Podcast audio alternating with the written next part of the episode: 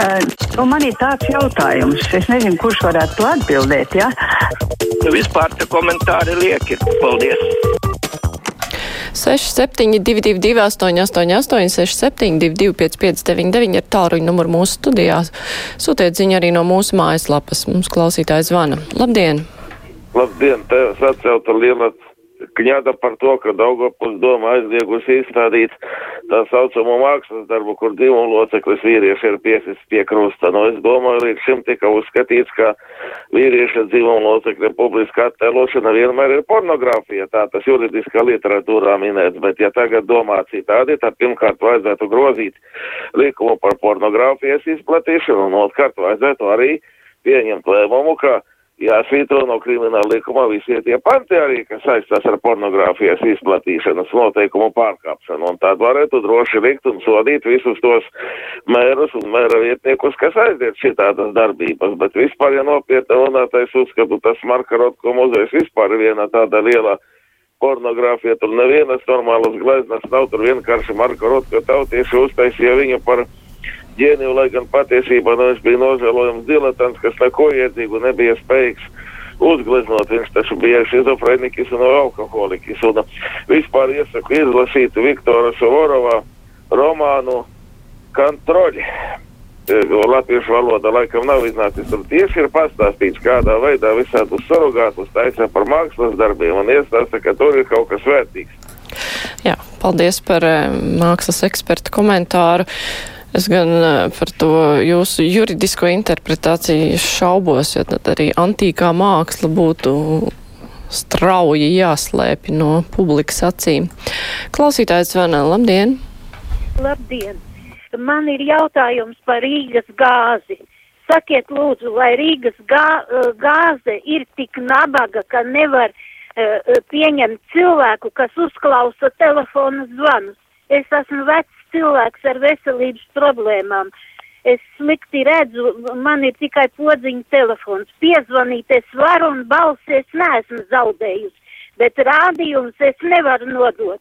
Un nekādu iespēju citu man nav. Man bērni kapos guļ, es esmu pārdzīvojis visus.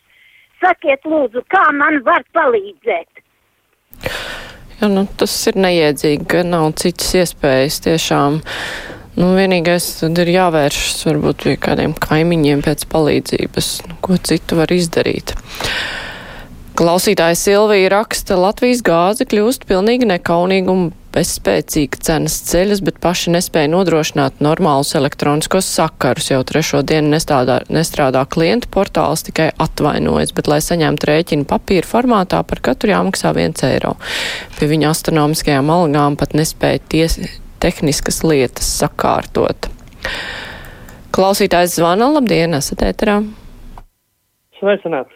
Labdien. Es gribēju parunāt par izglītību, par uh, to sistēmu, ka mums būs, jā, būs jāievieš otrā valsts valoda kādu no Eiropas valodām. Problēma ar skolotājiem. Mans priekšlikums ļoti vienkārši. No ārzemēm vai no Vācijas, Francijas, nu kuru valodu tā skola izvēlēsies, jāaicina speciālisti, kuri kaut cik arī prot angļu valodu.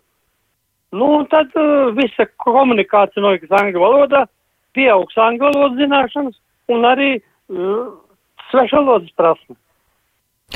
Jā, paldies par ieteikumu. Man šķiet, ka ar angļu valodu varbūt tā ir mazākā problēma. Daudz arī ir izvēlējušies angļu valodu kā pirmā svešu valodu, bet problēmas jau ir ar to otru valodu. Vai tā būtu vācu valoda, franču valoda, varbūt spāņu vai kāda cita zviedru valoda, piemēram. Nu, grūti jau pateikt ir kur ņemt uh, speciāli, bet tas jūsu variants piedāvātais izklausās interesanti. Tikai Jautājums, vai to skolā tā var iedzīvināt. Bet mēs par to runāsim nākamajā stundā. Paldies par uh, ieteikumu. Iespējams, ka mēs arī to apspriedīsim. Klausītājs zvana. Labdien! Labdien! Es domāju, tomēr tās ir šausmas, ja jums jāiet uz izstādi un jāskatās tādus, tādi gleznojumi. Man liekas, ka cilvēki jau sāk prātu zaudēt. Jā, nu, nav jau spiesta lieta iet uz to izstādi droši vien, bet paldies par viedokli. Klausītājs Ivars raksta par vakardienas raidījumu ar sarunu ar Maksimu Jogorovu. Te pieņēmums par kādas šauras specialitātes ķīmijas vai matemātikas salīdzinājums ar skolotāju profesiju tiek pārprasts. Cūku nevar salīdzināt ar drūvu. Ne katrs Nobeļa prēmijas laureāts spēja sajēdzīgi apmācīt citas profesijās. Skolotāja būtība ir saprast, ko un kāpēc bērns nesaprot tematu un zināt, kā šo nesaprašanas barjeru pārvarēt.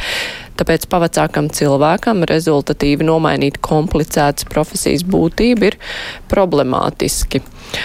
Jā, nu, protams, profesijas būtība nomainīt problemātiski, bet tajā pašā laikā, nu, varbūt kādam ir spējas un talants pārkvalificēties par skolotāju un nav obligāti jābūt 20 gadniekam, to var izdarīt arī lielākā vecumā. Klausītājs Viktors raksta, Aivaram taisnība, kaut kādām robežām mākslā ir jābūt. Paldies šoreiz Daugaupils domai par ātru rīcību. Tāds mākslas darbs arī man būtu ļoti aizskarošs manām dzīves vērtībām. Tā raksta Viktors. Tā klausītājs raksta, skatījos vakar VIP spēli, nu šausmas kaut kādas. Vadītājs visu laiku lakstojas gar tām jaunajām meitenēm, nu flirts kameru priekšā, vai tiešām skatītājiem tas ir jāredz. Es gribu skatīties spēli un jautājums, nevis to flirtu. Tā mums raksta klausītāja Lāsma. Labi, ceļu klausuli, labdien! Halo! Labdien! Labdien! Ziniet, man piekdien tā neaustā runāšana par tām pensijām, kas bija vien, viena zvanītāja teica, ja, un par tiem nodokļu maksātājiem. Šī tēma man ir ļoti dziļi aizvaino un aizskar, ka tiek runāts, kā pensionāriem, kā bija jābūt vainīgiem vai parādā tiem nodokļu maksātājiem, kuri pelna viņiem pensiju. Es gribēju teikt, ka esmu nostrādājis 38 gadus, maksājusi nodokļus un arī pensiju fondā tik ieskaitīts. Man nav jābūt nevienam parādā, jo es savu pensiju esmu nopelnījusi pati. Un nodokļus maksājusi un tā, ka tā nauda tika iztērēta kaut kur citur. Es neesmu pie tā vainīga, bet nevajag runāt, ka man tagad jābūt parādā, ka citi man pelna pensiju. Es viņu nopelnīju pati. Un vēl tā lieta, ka sāka tāds no 95. gada sāka citādāk maksāt tur tās pensijas, un tos gadus, kas līdz 95. gadam, it kā, nu, tas jau bija sen, runa bija tāda, ka tu jau strādāji citai varai, un par tam, tiem gadiem maksā ļoti mazu pensiju, tu, nu, nedaudz pavisam par tiem gadiem, jā. Tad man ir jautājums, kas 95. gadā bija tukšs tīrums, tūkstnesis bija, vai kā, kas tad saceltās mājas, veikalus, dzelzceļus, tiltus, bērnu dārzus, skolas, tie mēs atcēlām pensionāri. Un 95. gadā tas viss jau bija gatavs. Nevajadzēja no jauna visu celt.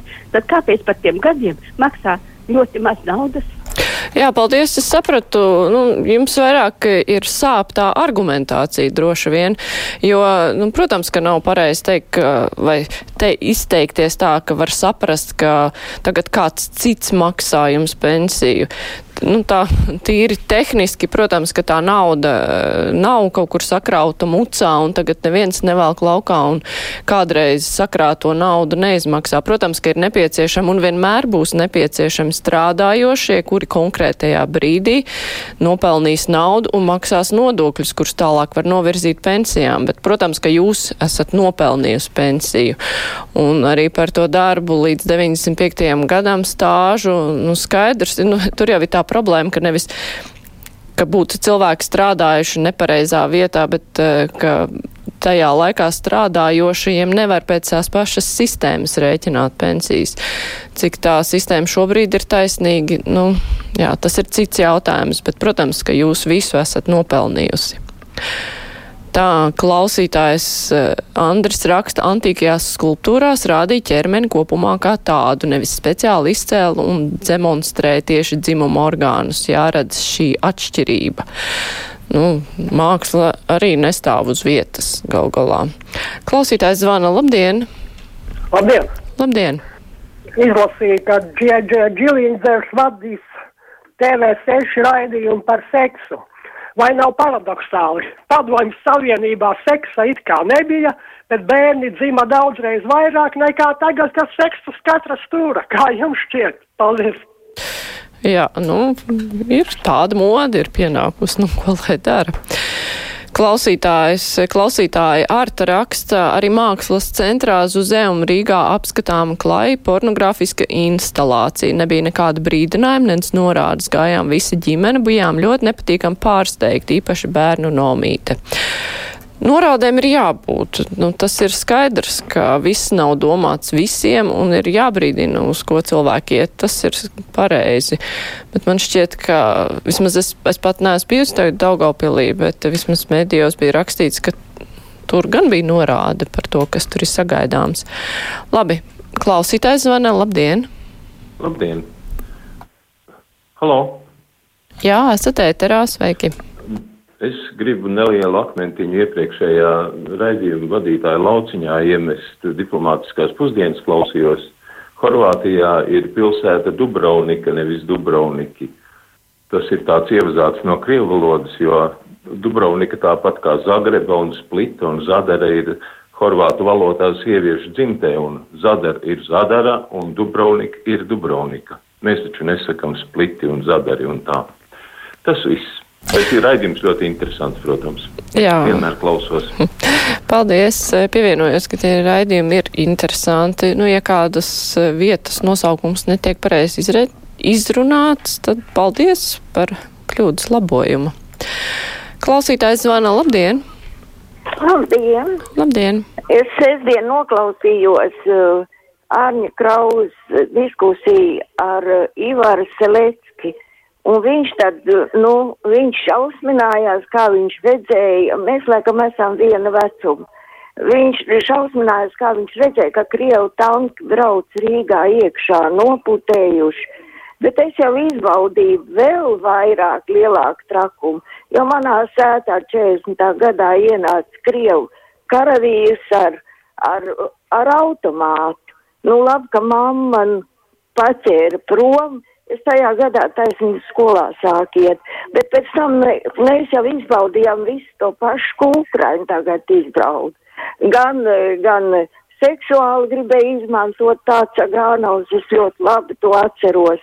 Man bija 19 gadi viņam, 40 eksāmena institūtā bija jāliek tikai tāpēc, ka, nu, viņam netika no manis nekas, nu, bļaup pa ģīmu tik, bet, bet tāpēc man nedrīkstēja laist medicīnas institūtā mācīties, un es dabūju likt astoņas reizes eksāmens. Tā kā mēs esam izbaudījuši to, ko viņi zakt, viņi zakt tāpat, pat naktsēkus no māmas nozag. Viņi domāja, ka tās ir kleitas. Un viss to, kas bija grāmatas, sadedzināja konversācijas leksikonu. 25 sējums, tāpēc, ka bija vācu valodā. Jā, paldies. Nu, jā, tāpēc arī mēs saprotam ukraiņus, mūsu tauta saprot ukraiņus, kam viņi tagad iet cauri. Paldies, brīvais mikrofons ar to izskan. Tagad būs ziņas, bet pēc tam mēs runāsim par to, kur rast skolotājus mācību priekšmetos, kur tie trūks. Tagad ziņas.